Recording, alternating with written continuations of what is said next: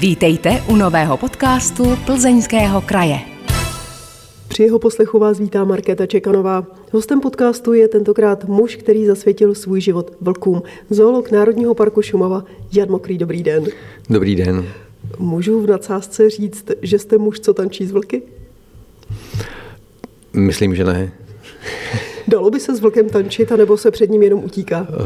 Uh, rozhodně se před vlkem nemusí jenom utíkat, dá se s ním i tančit a z vlastní zkušenosti vlastně, když pracujeme s vlky zavřenými v zajetí v návštěvnickém centru Srní, tak do jisté míry se dá říct, že tam s nimi tančíme. Vy jste v osobním kontaktu takhle na blízko s vlky? Jo, více než v osobním kontaktu. Co si pod tím můžu představit? No, že potřeba je s těmi zvířaty v zajetí eh, minimálně jednou za rok manipulovat, eh, takže je musíme odchytit, eh, vyšetřit a zase zpátky vypustit. K tomu nám pomáhají kolegové z Plzeňské zoologické zahrady. To se jich nebojíte, tedy nemyslím ty kolegy, ale ty vlky.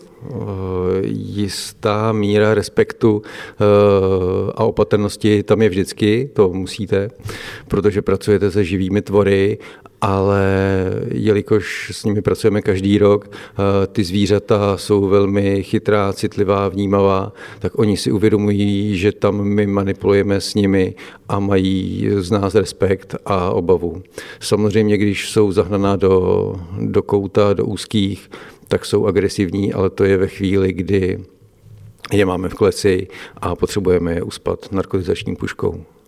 Moje povědomí o vlcích se omezuje akorát na to, že sežral karkulku, což je předpokládám velmi málo. Pojďte mi rozšířit obzory. Kdo je vlastně vlk? Jaké je jeho místo v ekosystému a v potravním řetězci? Hmm. Vlk je psovitá šelma a v ekosystému je na vrcholu potravního řetězce. Je to vrcholný predátor který se eh, loví nejdostup, nebo který se živí nejdostupnější potravou, ať už to jsou jelenovití, eh, divoká prasata, ale mohou to být i drobní savci, ptáci, i, i třeba i myši. Za jakých okolností by vlk mohl napadnout člověka? za jakých okolností, například kdyby vlk měl steklinu, která ovlivňuje chování toho daného zvířete, tak může napadnout ale nejenom člověka, ale i, i další uh, živočichy. A nebo v případě, že by opravdu byl někde v koutě nebo v nějaké pasti zahnán a člověk by byl s ním a, ten vlk by se prostě jenom bránil. Jo. Já mám vlastní zkušenost s malým kotětem někde na zahradě v dřevech. Bylo zalezlý kotěč, chtěl jsem ho vyndat a neskutečně mě poškrábalo. Jo. A přitom kočka domácí mazlíček. Jo. Takže ten vlk, vy říkáte, že je to vrcholný predátor, takže už nad ním není nic? On se nikoho nebojí? Zase ne, ne, není to třeba na Šumavě, protože tady medvědy nemáme, ale samozřejmě vlci se obávají eh, třeba medvědů. Jo, v Americe, eh, v Yellowstoneském národním parku, kde znovu vysadili vlky a mají tam i medvědy, tak tam se musí mít eh, vlci na pozoru před medvědy. Když mají vlčata, tak se snaží ty medvědy odlákat od svého brlohu, aby vlčata uchránila před medvědem. Já jsem kdysi četla někde nějakou takovou řekněme, tabulku nebo posloupnost, hierarchii, jak velké teritorium vlastně obhospodařuje jedna liška a tím pádem kolik lišek připadá na jednoho vlka, protože vlčí teritorium je větší a pak zase byl nějaký další poměr vlci vůči medvědům. Jak to je tedy? Jaké jsou tyhle ty poměry? Jak velké teritorium obhospodařuje liška? Co má pak na starosti ten vlk a po něm potažmo medvěd?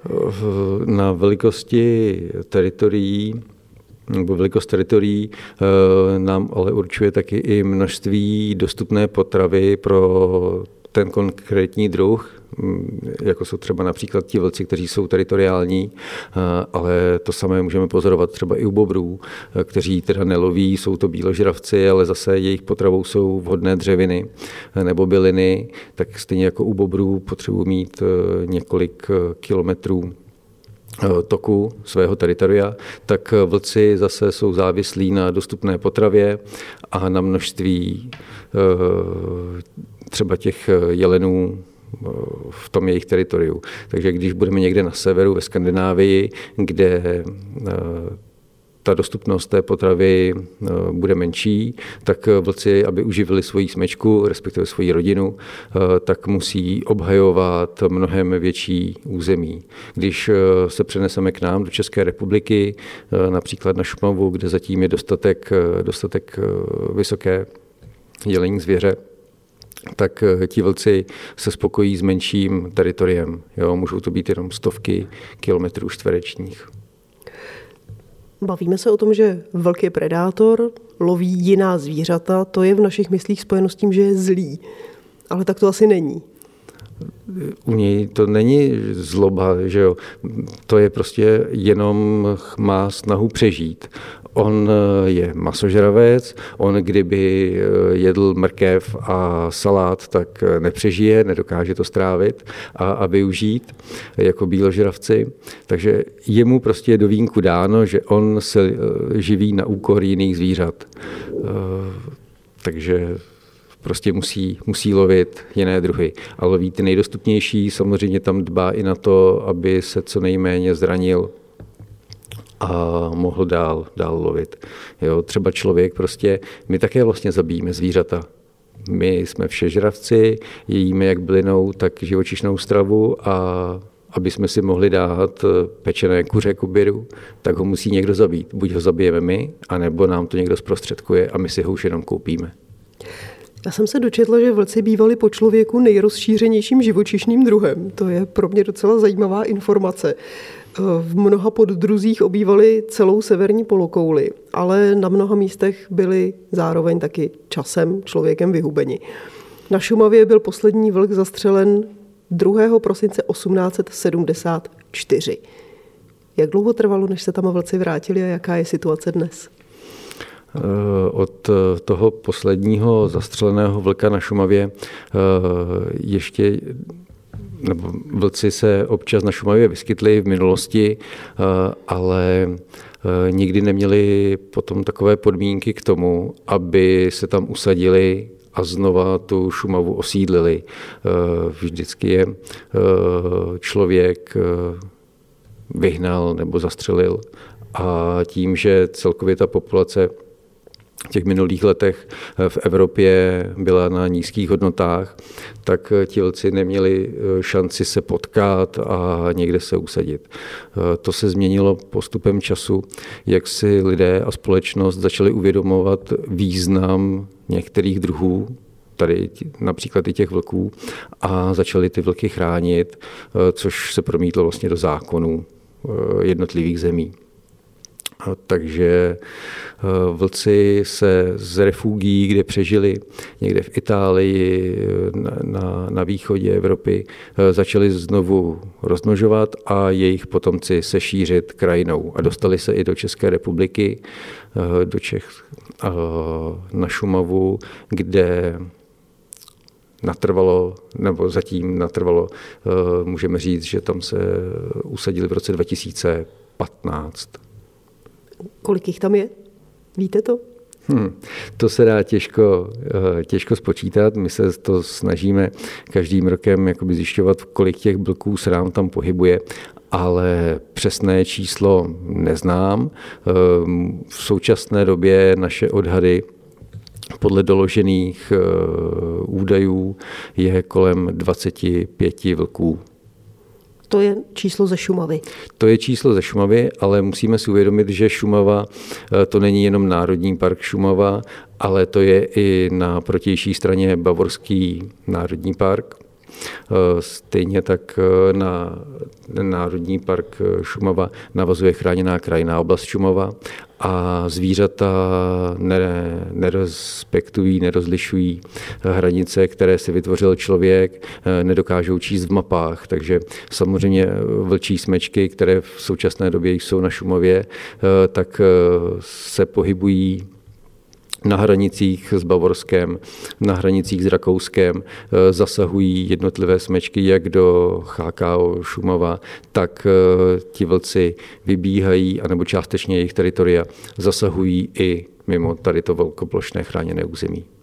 Já jsem se snažila najít nějaká konkrétní aktuální čísla o počtu vlků v České republice jako takové. Podařilo se mi najít jenom asi tři roky staré údaje, kde se počet vlků v Česku odhadoval asi na 70 jedinců, kteří žili v 18 teritoriích. Většina z nich byla v příhraničních oblastech a celkem to mělo být 13 smeček, z nichž každou tvořilo 4 až 6 jedinců, plus tři páry a dva samostatní jedinci. Jaká jsou asi aktuální čísla? Jestliže před třemi lety jich bylo 70 v celé republice ta aktuální čísla budou pravděpodobně vyšší. Já se přiznám, že neznám nejnovější, nejnovější počty. Uh, ono se to jednak těžko stanovuje a vždycky se to dělá se, se spožděním. Uh, podílí se na tom uh, velké množství lidí i institucí, ať už to jsou lidé z Hnutí Duha, lidé z agentury ochrany přírody a krajiny, z České zemědělské univerzity pracovníci dalších národních parků, kteří se věnují vždycky těm jednotlivým územím, které spravují. A můžu jenom říct, že ta populace narůstá a v současné době se s vlkem můžeme potkat kdekoliv v České republice. Ale je to o tom, že v těch příhraničních oblastech se ty vlci usadili a skrze Českou republiku Eh, vlci prochází a hledají si vhodná, vhodná území, neobsazená. Počkejte, říkáte kdekoliv, tak uh, asi v Plzni na náměstí vlka nepotkám. V Plzni na náměstí vlka nepotkáte, to, to že by utekl ze zoologické zahrady, ale uh, můžete ho potkat na okraji Plzně, na okraji jakéhokoliv města nebo urbanizované jednotky, kdekoliv můžete vlka potkat. Jak by se člověk měl zachovat, když náhodou někde vlka uvidí? Tedy pokud ho vůbec rozliší od psa. Jo, to jste dobře zmínila. Pokud eh, se ho podaří rozlišit od psa, protože tím, jak člověk eh, znovu oživoval eh, krev některých psích plemen a psi vlastně pocházejí z vlka, tak je těžké vlky rozlišit. Ale teď bych odbočil, tak se vrátím k tomu jak se zachovat, když Jak někde zachovat, potkáme vlka? Kdy, když někde potkáme vlka, no není potřeba dělat žádnou jako paniku a rozhodně se neotáčet zády a neutíkat, abyste v té šelmě nezbudila eh, nějaký podmíněný ref, reflex eh, a on vás nezačal lovit. Ale nej, o tom nejsou zatím žádné údaje z Evropy, že by vlk člověka napadl je dobré zůstat v klidu, eh, pozorovat eh, to zvíře, co dělá, jak reaguje, protože se opravdu někdy může stát, že místo na vlka budete koukat na psa. A ten vlk dělá to samé, co člověk. On nejdřív eh, zjišťuje, co se děje, s kým má tu čest a potom eh, se rozhodne, co udělá, jestli odejde velkým nebo menším obloukem, anebo se bude věnovat dál své činnosti, jako je uh, lov nebo značkování uh, svého území. Mimochodem chápe vlk, stejně jako jakékoliv jiné divoké zvíře, že člověk je jeho predátor? Vědí to? Už si to řekli po ty generace? Tady v Evropě si to vlci asi určitě řekli, když byli člověkem eh, po staletí pro následování a loveni, takže ty vlci to ví. E, něco jiného, kdyby jsme byli, je, kdyby jsme byli na nějakém ostrově, e, kde by vlci nebo jiná zvířata neměli negativní zkušenost s člověkem tam by pravděpodobně nebyla žádná obava od těch, těch vlků mezi, mezi vlkem a člověkem ale tady v Evropě prostě vlci ví, že lidé po nich střílí nebo že je loví a jsou velmi opatrní. Ale neznamená to, že jakmile vlk spatří člověka, eh, okamžitě se postaví na zadní, otočí se a peláší pryč. Ne, takhle člověk, eh, pardon, takhle vlk nereaguje. Posloucháte podcast Plzeňského kraje. Hostem podcastu je zoolog Národního parku Šumava Jan Mokrý a povídáme si spolu o vlcích.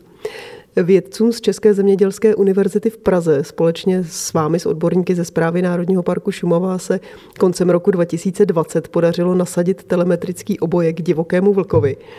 Zhruba tříletá 30-kilogramová samice se tak stala prvním českým vlkem obecným, jehož pohyb bylo možné přesně monitorovat. Proč tahle zpráva budila tak velkou pozornost?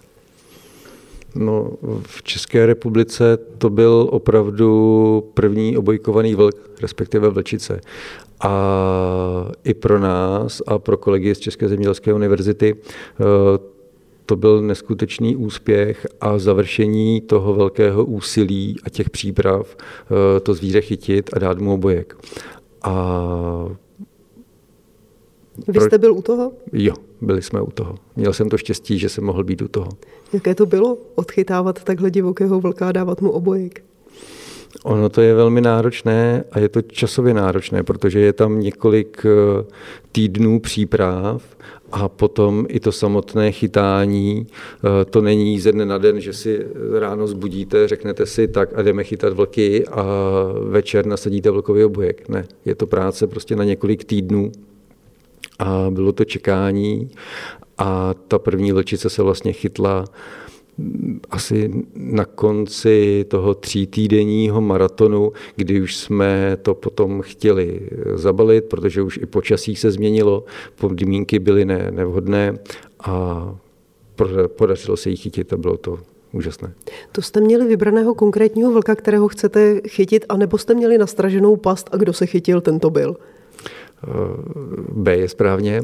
Eh, měli jsme nastražené pasti a čekali jsme, že do některé z těch eh, pastí eh, vstoupí nějaký vlk. Tam to není nějak jakoby selektivní a my dopředu nevíme, jestli chytíme dospělého vlka nebo mladou, mladou vlčici. To není dopředu jasné. Jak vypadá taková past, do které se chytá vlk, kterému chcete dát obojek a dál znovu ho vypustit? Nepředpokládám, že by to byla železa, která mu zlomí nohu. Ne, ne, ne, ne. E, železa, která mu zlomí nohu e, a nebo jinak zraňují zvířata, jsou u nás zakázána. E, jsou to pasti na podobný způsob, která ale mají za, za cíl to, tomu zvířeti hodit smyčku na nohu a chvíli ho na tom místě zdržet. V tu chvíli, kdy se to stane, nám přijde zpráva a máme informace, že to zvíře je na místě, je chycené, takže tam okamžitě vyrážíme i s veterinářem, který má vlastně celou dobu, co chytáme, 24 hodinovou pohotovost, je, je s námi a společně teda vyrážíme k tomu chycenému zvířeti, které pak uspíme, nasadíme obojek a zase vypustíme. To zvíře musí být ve velikém stresu přeci, když se mu něco takového stane. Jak reaguje, jak se chová? No, nejdřív je to pro to zvíře šok, má tendenci eh, se z toho vyprostit, eh, ale po chvíli se sklidní, leží, pak se zase zvedne, kouše, kouše kolem sebe do, do všeho, pak je zase v klidu a samozřejmě nejvíc začíná reagovat, když k němu ten veterinář jde, ale ten se přiblíží jenom na určitou vzdálenost, na dostřel vlastně narkotizační, narkotizační pušky a pak už je to všechno v klidu. Jak potom reagovala ta vlčice na ten obojek, který dostala? Nebyl jí nepříjemný, nesnažilo se třeba sundat, nebo jí to bylo úplně jedno? To my nedokážeme úplně takhle popsat, protože všechno tohle se odehrávalo v noci za tmy a když jsme to, tu vlčici probudili a nechávali jsme jí, aby se probrala a odešla, tak jsme byli několik metrů zpátky. Vlastně nejblíž byl pouze veterinář, který pozoroval jak se probouzí a ta vlčice se prostě zvedla a odešla a zmizela někde v lese ve tmě. Takže nevíme. Máte už nějaká data zajímavá z toho obojku? Co se z něj všechno dá zjistit? Eh, data z toho obojku jsou, z eh, primární funkcí toho obojku je, že GPS zařízení eh, zaměřuje polohu, pozici toho zvířete, kde se zrovna nachází. Je to nastavené v určitých intervalech. V tomto konkrétním případě to bylo asi po třech hodinách a kaž, každé tři hodiny eh, se zaměří pozice toho zvířete a po několika nasnímaných bodech eh, celkový balík dat odchází do, do společnosti, odkud máme ty obojky a my si je potom můžeme zobrazit, v, stáhnout a zobrazit v programu v mapových aplikacích a vidíme, kde zrovna se to zvíře nebo ten konkrétní vlk pohyboval. A dá se z toho vyčíst, na jak velké vzdálenosti se ty vlci přesunují, kdy jsou aktivní, kdy odpočívají. Takže je to spousty zajímavých Co údajů. vám o sobě prozradila tahle vlčice? Dostala jméno? Hmm, určitě dostala jméno. Jak se jmenuje? Eh, jmenuje se Zina a je potřeba ale říct, že ten obojek už momentálně nefunguje.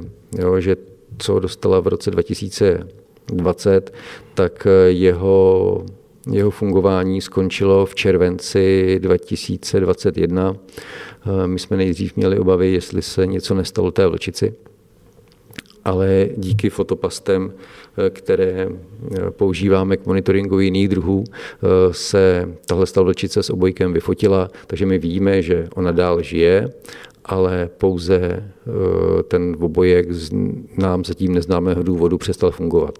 Takže co vám o ní prozradil? Prozradil nám o tom, kde mají kde má tahle smečka teritorium, protože tohle je mladá vlčice ze srnské smečky a prozradil nám, že ona se chová trochu jinak než její rodiče, kteří pravděpodobně mnohem víc běhají v tom teritoriu a ona pravděpodobně měla funkci eh, starší, starší sestry a v tom roce dohlížela na mladá vlčata. Na mladší sourozence. Na mladší sourozence. Takže vlastně ten obojek vám vypráví osobní příběh toho vlka, v tomhle případě Ziny. Mm-hmm. Dozvěděli jste se něco zajímavého, co třeba do té doby jste o životě vlků jako takovém nevěděli, nebo o fungování smečky, nebo vůbec o, o vlcích? Mm, dobře jste zmínila, že to byl konkrétní příběh tady té vlčice, protože eh, ty obojky nám dají informaci opravdu jenom o tom daném zvířeti. Možná nás nasměrují do míst, eh, kam se za těmi vlky můžeme podívat, ale neřeknou nám eh, detailní informaci o celé té smečce. Takže my jsme právě byli eh, na stopě tady té vlčici. Kolega Olda Vojtěch dohledával, když to bylo možné, i zbytky kořistí, ale fungování celé smečky jsme nedokázali z tohohle z toho jednoho obojku obsáhnout. Takže vy se z toho vlastně ani nedozvíte, s kým, s jakým jiným vlkem byla v kontaktu, jestli měla nějaké životní plány, třeba opustit rodnou smečku a vydat se někam sama dál? To se bohužel nedozvíme, protože ten obojek fungoval opravdu pár měsíců, byť jeho plánovaná životnost jsou dva roky, ale z nějakého důvodu, pravděpodobně z nějaké technické závady, přestal fungovat. Takže to eh, zda měla nějaké plány a, a s, kým se, s kým se pohybuje, eh, můžeme teď dovozovat pouze z případných eh, fotografií z fotopastí a nebo se vzorků trusu hm, a následné analýzy DNA, která by nám mohla prozradit, s jakými dalšími vlky se stýká.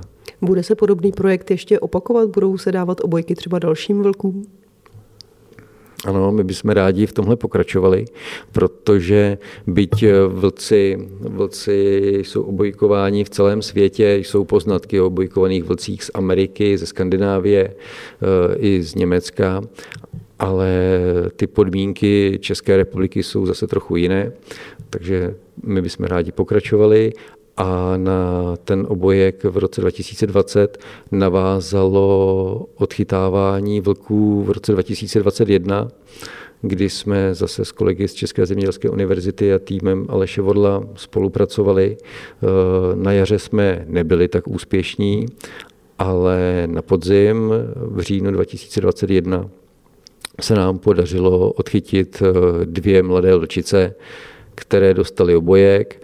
Bohužel ten jeden obojek po dvou měsících přestal fungovat a v současné době máme jeden, jeden funkční obojek na Šumavě.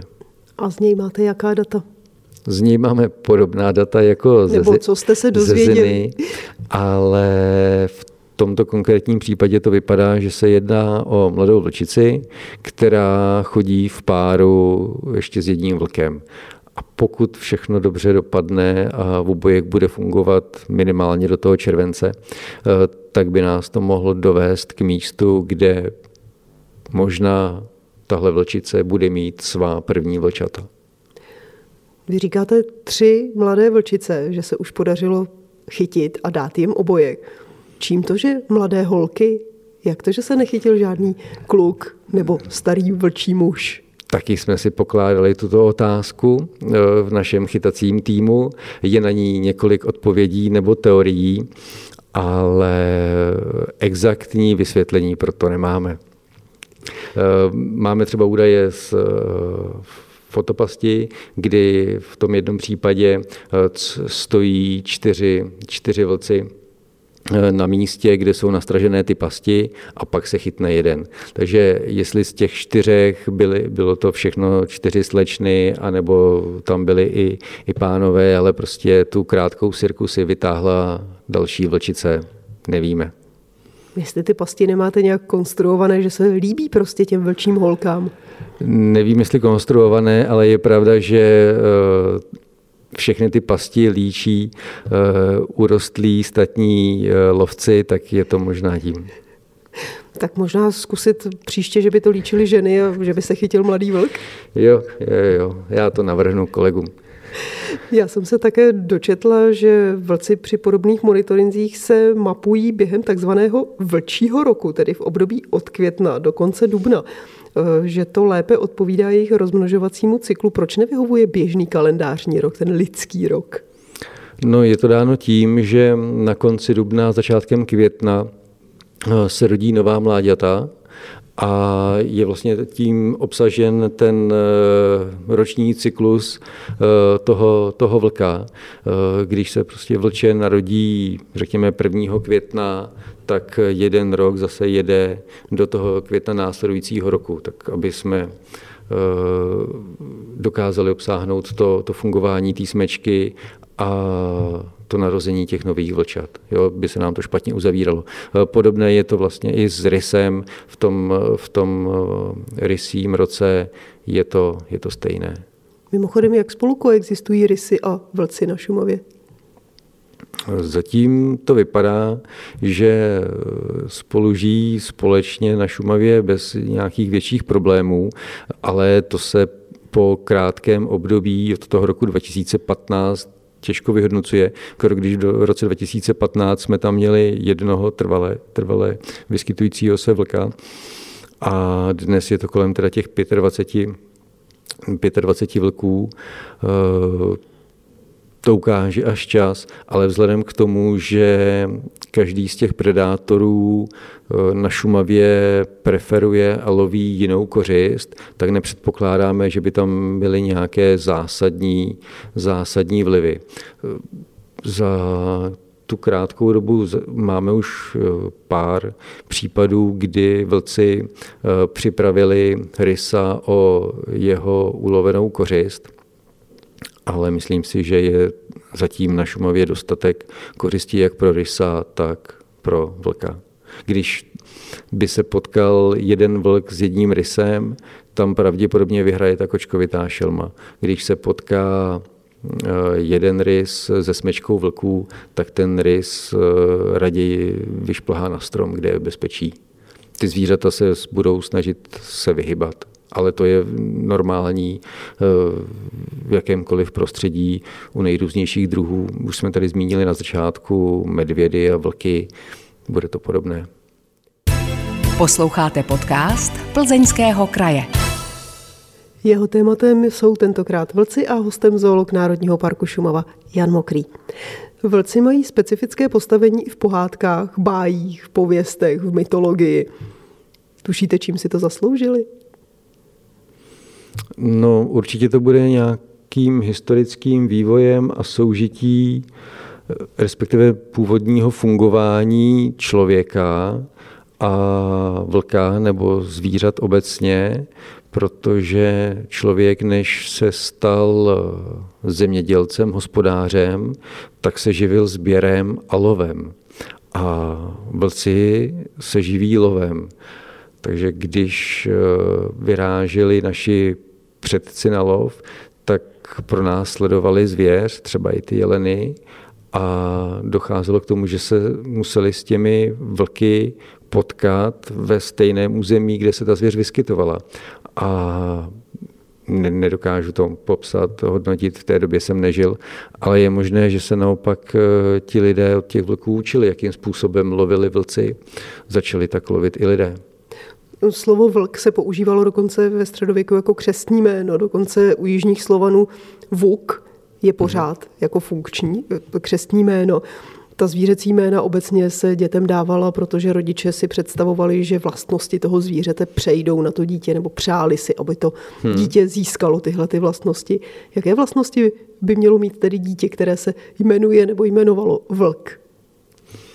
Pravděpodobně bude starostlivé, pečlivé, bude pečovat o členy své rodiny, eh, bude zároveň silné, chytré, nevím, ale i u těch vlků je proměnlivost stejně jako v jakékoliv jiné populaci. I, i mezi lidmi jsou lidé různí, Někteří jsou hbití, mrštní, silní, jiní jsou zase přemýšliví, trošku zpomalení, opoždění. Eh, je to i u těch zvířat, to jsou nejrůznější jedinci proměnlivý. Já nedokážu říct, jakou vlastnost by měl mít člověk, nebo by měl člověk, který je pojmenován po vlkovi. Asi primárně silný, nebezpečný možná?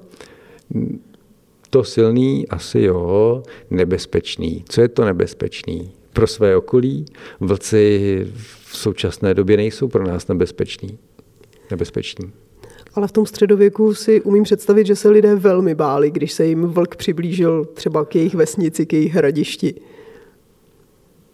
Možná, že se báli, možná když tam vlci šli pro hospodářská zvířata uh, ulovit uh, ovce nebo další druhy, tak se jich možná báli, ale my tady vlastně eh, se bavíme o něčem, co je někde jenom zaznamenáno eh, v nějakých knihách, v nějakých bájích, ale třeba z, hodně se zmiňují ty negativní věci a teď v pozadí eh, jsou ty případy Romula a Rémula, které odkojila vlastně vlčice, že jo. To je velmi krásný a pozitivní příběh, to je pravda lidé vlky lovili asi od jak živa, o tom jsme se tady několikrát zmínili, toho jsme se několikrát dotkli. Já si představuju, že v těch dávnějších staletích ta vydělaná kůže vlčí byla třeba ozdobou interiéru, protože to bylo důkazem toho, že pán je dobrý lovec, ulovil takovéhle zvíře. Nebo možná na té kůži i spali. Co dělali s tím masem? To jedli nebo to vyhazovali? Tušíme to, co se s tím dělo? Nebo to nechávali v lese na pospas jiné dravé zvěři? To nedokážu říct. Já jsem tak jako no, a historii nestudoval, co se dělalo Eh, s masem je možná, že se to vyhazovalo, protože primárně se využívala opravdu, jak jste říkala, ta kožešina, eh, jednak na, na oděv, na sebe. Ty lovci v Americe prodávali ty kůže, které se dál zpracovávaly, podobně jako eh, bobří kůže anebo kůže dalších, dalších živočichů. Takže tam šlo si primárně o tu kůži, tam nešlo o to, o to, o to vlčí maso. Nikdy jste se nesetkal s nějakým receptem vlk na víně nebo vlk na smetaně? Ne, opravdu ne. Ale to neznamená, že to neexistuje. Jo. To, že jsem se s něčím nesetkal, neznamená, že není. Ale asi by to i v naší literatuře nebo na internetu uh, někdy zmíněno bylo, ale nepátral jsem se potom a neviděl jsem to. Vlci jsou velmi dobře známí a dají se pozorovat v zoologických zahradách, tam jsou bezpečně ve výběhu. Pojďme se teď trošku zastavit u tohohle, když rodiče přijdou do zoo s dětmi k tomu vlčímu výběhu. Co by měli dítěti o vlku vyprávět? Možná začnou tou pohádkou o červené karkulce. A co no dál? to bych právě nezačínal asi tou pohádkou o červené karkulce. Stejně tak jako o neposlušných kuzlátkách. Protože právě ta pohádka o červené karkulce Eh, vyvolává u lidí předsudky, eh, že vlk je něco špatného, něco, co nepatří do přírody a už vůbec ne do naší kulturní krajiny. Jo. Ale ještě jsem opravdu eh, na Šumavě neviděl, že by ani neslyšel o tom, že by vlk potom, co teda napadne ovce, že by potom eh, šel do chléva a eh, pustil se tam do, do čeledína a, a případně do babičky. Jo. A už vůbec ne do Karkulky. Vemte si, kolik máme turistů na Šumavě a žádný nebyl napaden vlkem. A to ty jejich oblečky jsou opravdu pestré, mnohem pestřejší, než měla červená karkulka. Dobře, tak pohádku o červené karkulce ne, o neposlušných kuzlátkách ne, eh, jen počkej zajíci? Tam je postava vlka poměrně dost jo, jo, jo, taková jen počkej, hloupá. Zajíci. No, ale tak to zase eh, to je věcí asi autorů, eh, jen počkej zajíci. A to jsou různé pohádky. Ale vlk není zase úplně hloupý a co o něm říct? No, říct eh, o něm, že je to starostlivé zvíře, které miluje svou rodinu, své potomky a snaží se je zabezpečit potravou a teplem a brání je proti eh, jiné smečce, protože to se málo, málo asi říká, že vlci tím, jak jsou teritoriální zvířata, eh, značkují a brání si své teritorium, které je pro ně životně důležité, jak už jsme říkali, z pohledu té kořisti, tak ve chvíli, kdy za hranicí jejich teritoria je jiná smečka, vlčí, tak eh, tyhle ty dvě smečky mezi sebou mohou soupeřit právě o tu kořist jsou eh, popsány případy, kdy jedna vlčí smečka eh, zabila několik členů sousední vlčí smečky. Jenom proto, že si bránili své území nebo naopak eh, chtěli zvětšit své území s dostatkem kořisti. Takže i vlci bojují mezi sebou, bohužel jako lidé. Když budeme chtít tady tomu dítěti před tím vlčím výběhem nějak stručně, jednoduše a na úrovni třeba čtyřletého, osmiletého dítěte vysvětlit, jak funguje ta vlčí smečka, vy jste se tady dotkl toho, že Zina byla ve své smečce tou pečující starší sestrou, zatímco v úvozovkách řečeno maminka s tatínkem chodili do práce. Můžeme to těm dětem převyprávět takhle, že tam je maminka, tatínek, ti chodí do práce, nosí domů to jídlo a je tam třeba ta starší sestřička, která se stará o ty ostatní. Dá se to takhle přirovnat k tomu lidskému společenství? Přesně tak. Teď jste to krásně popsala. Je ta vlčí smečka je prostě rodina. Jsou tam rodiče, jsou tam sourozenci eh, starší, kteří zůstávají v té smečce rok, dva, tři, Není to však pravidlem, že až po třech letech mladý vlk odchází, někdy může odejít už po roce. A pak tam jsou mláďata, která jsou hravá, učí se, jak v budoucnu se o sebe mají sami postarat a funguje to opravdu jako rodina. Kam ten mladý vlk odchází? Mladý vlk odchází do světa na zkušenou a aby si našel partnera a s partnerem založil vlastní rodinu. Vrací se potom někdy zpátky domů k těm rodičům? Poznají vůbec ti rodiče třeba po třech, po pěti letech, že to je jejich dítě?